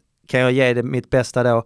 Vill jag spela någon annanstans än MFF? Har jag, om jag kan känna så här, fasen jag har gjort sen jag var 16 år så har jag bara spelat för en eh, klubb, elitsatsande klubb i, Malmö, i Sverige. Och det tyckte jag, då var jag rätt stolt över det, så tänkte jag nej, jag nöjer mig. Det där kan jag ibland tänka på, nu accentuerat av Per Karlssons situation i AIK, att vissa av de här eller kanske inte ens vissa utan alla egentligen, trotjänare till de stora klubbarna i Sverige. Man blir ju lite kidnappad av sin relation till klubben. För att det är så många supportrar man inte vill stöta sig med eller göra upprörda, men de kanske inte har en förståelse för att, som du då i situationen med Malmö, vill spela vidare, du kan spela vidare, men klubben tar ett beslut om att nej, vi kommer satsa på någon annan. Det är inte för oss. Och så hamnar du i ett läge att Jaha men vad fan, alltså jag vill ju spela fotboll. Mm. Mm. Nej men så är det ju. Anders Limpar hade ju ett sånt läge också. Ja, Nej, det är inget kul. Mm. Alltså Stockholm, där finns ju de bekymren, det har man ju lärt sig mycket när man jobbat eh, här också, att det är klart att är, den rivaliteten är speciell. Och det, jag menar Hasse Backe var min tränare i Ålborg, han tränade ju också Jesper Jansson när han spelade i Djurgården och sen det som hände där, han var ju hotad så han fick åka till Norge på den tiden, 90-talet liksom. Så det, det är klart att eh, den man säger Per Karlsson exempel, klubben kanske, känner de, känner de också att de, de kanske också känner lite att de vill ha kvar honom lite till, fast han kanske inte kommer att spela så mycket. Det är lite den där känslan. Men om Per Karlsson skulle lämna nu och gå och säga att men jag har i kroppen två år till, jag vill spela i en annan klubb. Skulle inte AIK-supportrarna acceptera det? Om klubben säger nej? Såklart beroende på vilken klubb. Jag menar jo. idag, eller igår kväll kom väl det då, att Jesper Nyholm gick till Djurgården och då mm. pratar vi om en spelare som Visst, jag fattar att eh, de AIK-supporterna då som menar på att ja, men AIK har hjälpt honom med allt från rehab till eh, boende till stöttning med att få hålla igång här under våren när han inte har något kontrakt någon annanstans och sen så blir då tacken inom citationstecken att han går till värsta rivalen Djurgården. Per Karlsson är ju inte Jesper Nyholm, det är, det är, det är en helt annan ikon här, och så vidare. Ta, ta Ishi till exempel, eh, som inte kommer från AIK-leden, kommer från Rågsved men tidigt ändå till AIK, som går till Elfsborg efter att ha varit på en utlandssession och får ett jättetufft liksom, bemötande ja. när han återvände till Råsunda. Mm. Jag kommenterade där så i Borås kanske... någon gång där han skulle slå en hörna och det var inte lätt för honom mot AIK. Alltså. Nej. Nej, men, och, och, och jag och tänker bara menar... på Per Karlsson, alltså till och med, där var det Elfsborg mm. för Ishi. Ja. Ja, men det är det jag menar, att, här, det är väl klart att det är skillnad tror jag för många AIK-supportrar om Per Karlsson skulle hamna i Halmstad eller om han skulle gå till eh, Bayern eller liksom blåvitt. Ja, alltså, det, det, det, kan jag säga också. Det, så har fotbollen utvecklats, men det är det jag gillar. Varför jag säger eh, Maldini, jag vill sitta och ta en vinare med Maldini. Han har varit i Milan. Alltså jag kan beundra det där. Och jag, mm. Per Karlsson, går han till, jag, skulle Per Karlsson gå till, äh, till Djurgården eller till Hammarby så skulle jag säga, är du dum? Mm. Varför går du till dem? Har du inga känslor? Alltså han kan ju själv, visst han vill bo kvar i Stockholm, men så gör man inte, tycker inte jag heller som spelare. Jag skulle aldrig kunna gå till en klubb som var rival, eh, rivaliserande mot eh, till exempel IFK Göteborg. Det skulle inte jag göra i det läget, för då, då, har mina känslor för Malmö för stora. Och det, det tycker jag Per Karlsson måste väl också, även om han vill spela i ett bra lag, så får man, eh, det får man faktiskt ta det. Mm. Den. Sista frågan på faktarutan, om du inte får svara Leo Messi eller Cristiano Ronaldo, vem tycker du är världens bästa fotbollsspelare idag? Mbappé. Bra svar. Eh, vi ska börja packa ihop, det har varit en eh, lång och ringlande resa längs Anders Anderssons eh, karriär här eh, genom faktarutan. Men jag måste bara fråga, parallellt då med tv-jobben du gör, eh, yrket hos eh, Simor och all fotboll som kommenteras där, så har ni ju en podcast. Du, Erik Edman, Alexander Axén och Jon Persson. Mm. Fotbollsexperterna ja. drog ni igång för ett drygt år sedan. Och det var ju, måste jag säga, det pratade jag och Thomas eh, Skitbra. väldigt mycket om. Alltså, mm. Mm. alltså in, inte bara skitbra utan också väldigt nytt i Mm. form av att det då är fyra aktiva. Det är inte en eller två eller tre som kommer från fotbollsmediahåll utan här Mm. kommer man inifrån. Man har spelat, man har tränat, man har spetskunskap som jag och Thomas aldrig kommer kunna titta på fotboll oss till om du förstår vad jag menar. Jag förstår. Eh, hur, har, hur har den här resan varit och vart är den på väg? Vi fick ju härlig feedback från er ibland där också, tyckte vi tog till oss lite. För vi, alltså jag, vi ville ju vara det där eh, gänget som, som kanske Har vi kritiserat er? Ja, men jag har snackat lite med Anders. Nej, men eh, positivt. Alltså, Ja, okej. positivt. Måste du alltid tro att det är negativt? Nej Alltså, men jag, jag satt, jag, Thomas men jag hamnar i något läge, vad fan har jag sagt nu då? Ja. Har jag Ja. svingat mot dem också? Ja, ska, jag, ska jag ta upp det också du? Nej, jag exakt. Nej men alltså skämt det var faktiskt så att vi kände att vi vill, jag tror du sa det också att det är viktigt att man trycker just på att man vill vara lite nördigare vad gäller fotbollsspelet, inte så mycket om, ja men du vet de åkte ju bussen dit och då så gick den sönder, det skiter vi kanske i, utan vi kanske kör mer att om eh, han spelar till vänster på mittfält så blir det lite så. så det, och jag tror folk gillade det. Men problemet här för oss sen var under hela uppehållet här att vi inte riktigt Alltså vi var ju själva och, och drev det lite och hade inte riktigt plattformen. Så att vi får se, vi är fortfarande lite sådär, vi hoppas vi ska kunna köra vidare men eh, nu börjar allsvenskan och nu är vi inte där riktigt. Så vi, vi får se. Jag, jag tänker att det, det, blir, det blir en plattform för dig att prata om allsvenskan. Ja, jag och Erik Edman, vi är ju akterseglade här av Jon och, Alex som, eh, som har klivit till Deep, eh, Discovery. Så de jobbar med allsvenskan. Alltså eh, fantastiskt roligt och eh, jäkligt häftigt att göra det. Men ni, ju, ni känner ju Alexander Axén särskilt eh, med hans sätt att vara på. Det är ju, man mår ju bra i hans sällskap. Mm. Erik Edman, han är också, de, de, det är ju den dynamiken som har varit väldigt mycket och så jag och Jon som, som sitter lite mer som eh, andra fioler där liksom. Men det, jag, tyck, jag gillar det, jag tycker det är skitkul. Men vi vet, vi vet inte. Så alla lyssnare där ute, de behöver inte ge upp hoppet än om att fotbollsexperterna kommer tillbaka i full Nej, prakt. alltså det, jag hoppas inte det. Om det inte skulle vara så kan vi ju sitta och bara läsa upp alla våra WhatsApp-meddelanden som kommer mellan oss. För det har också varit kul lyssning tror jag. Men eh, kanske inte ska läsas upp i, med eh, Ja, eftertanke. vet, vet du vad det är? Det är, det är Patreon-material. Ja, det Ja, får, Om ni ja. behöver liksom låsa in någonting för att tjäna några kronor för att få det att gå runt. jag tror kanske det är bättre att det blir inlöst för evigt. Eh, känner du att eh, vi har eh, missat något öppet mål här vad gäller Anders Anderssons eh, fotbollskarriär eller eh, att du har någonting annat på hjärtat som du skulle vilja få ut här i Sveriges största fotbollspodd?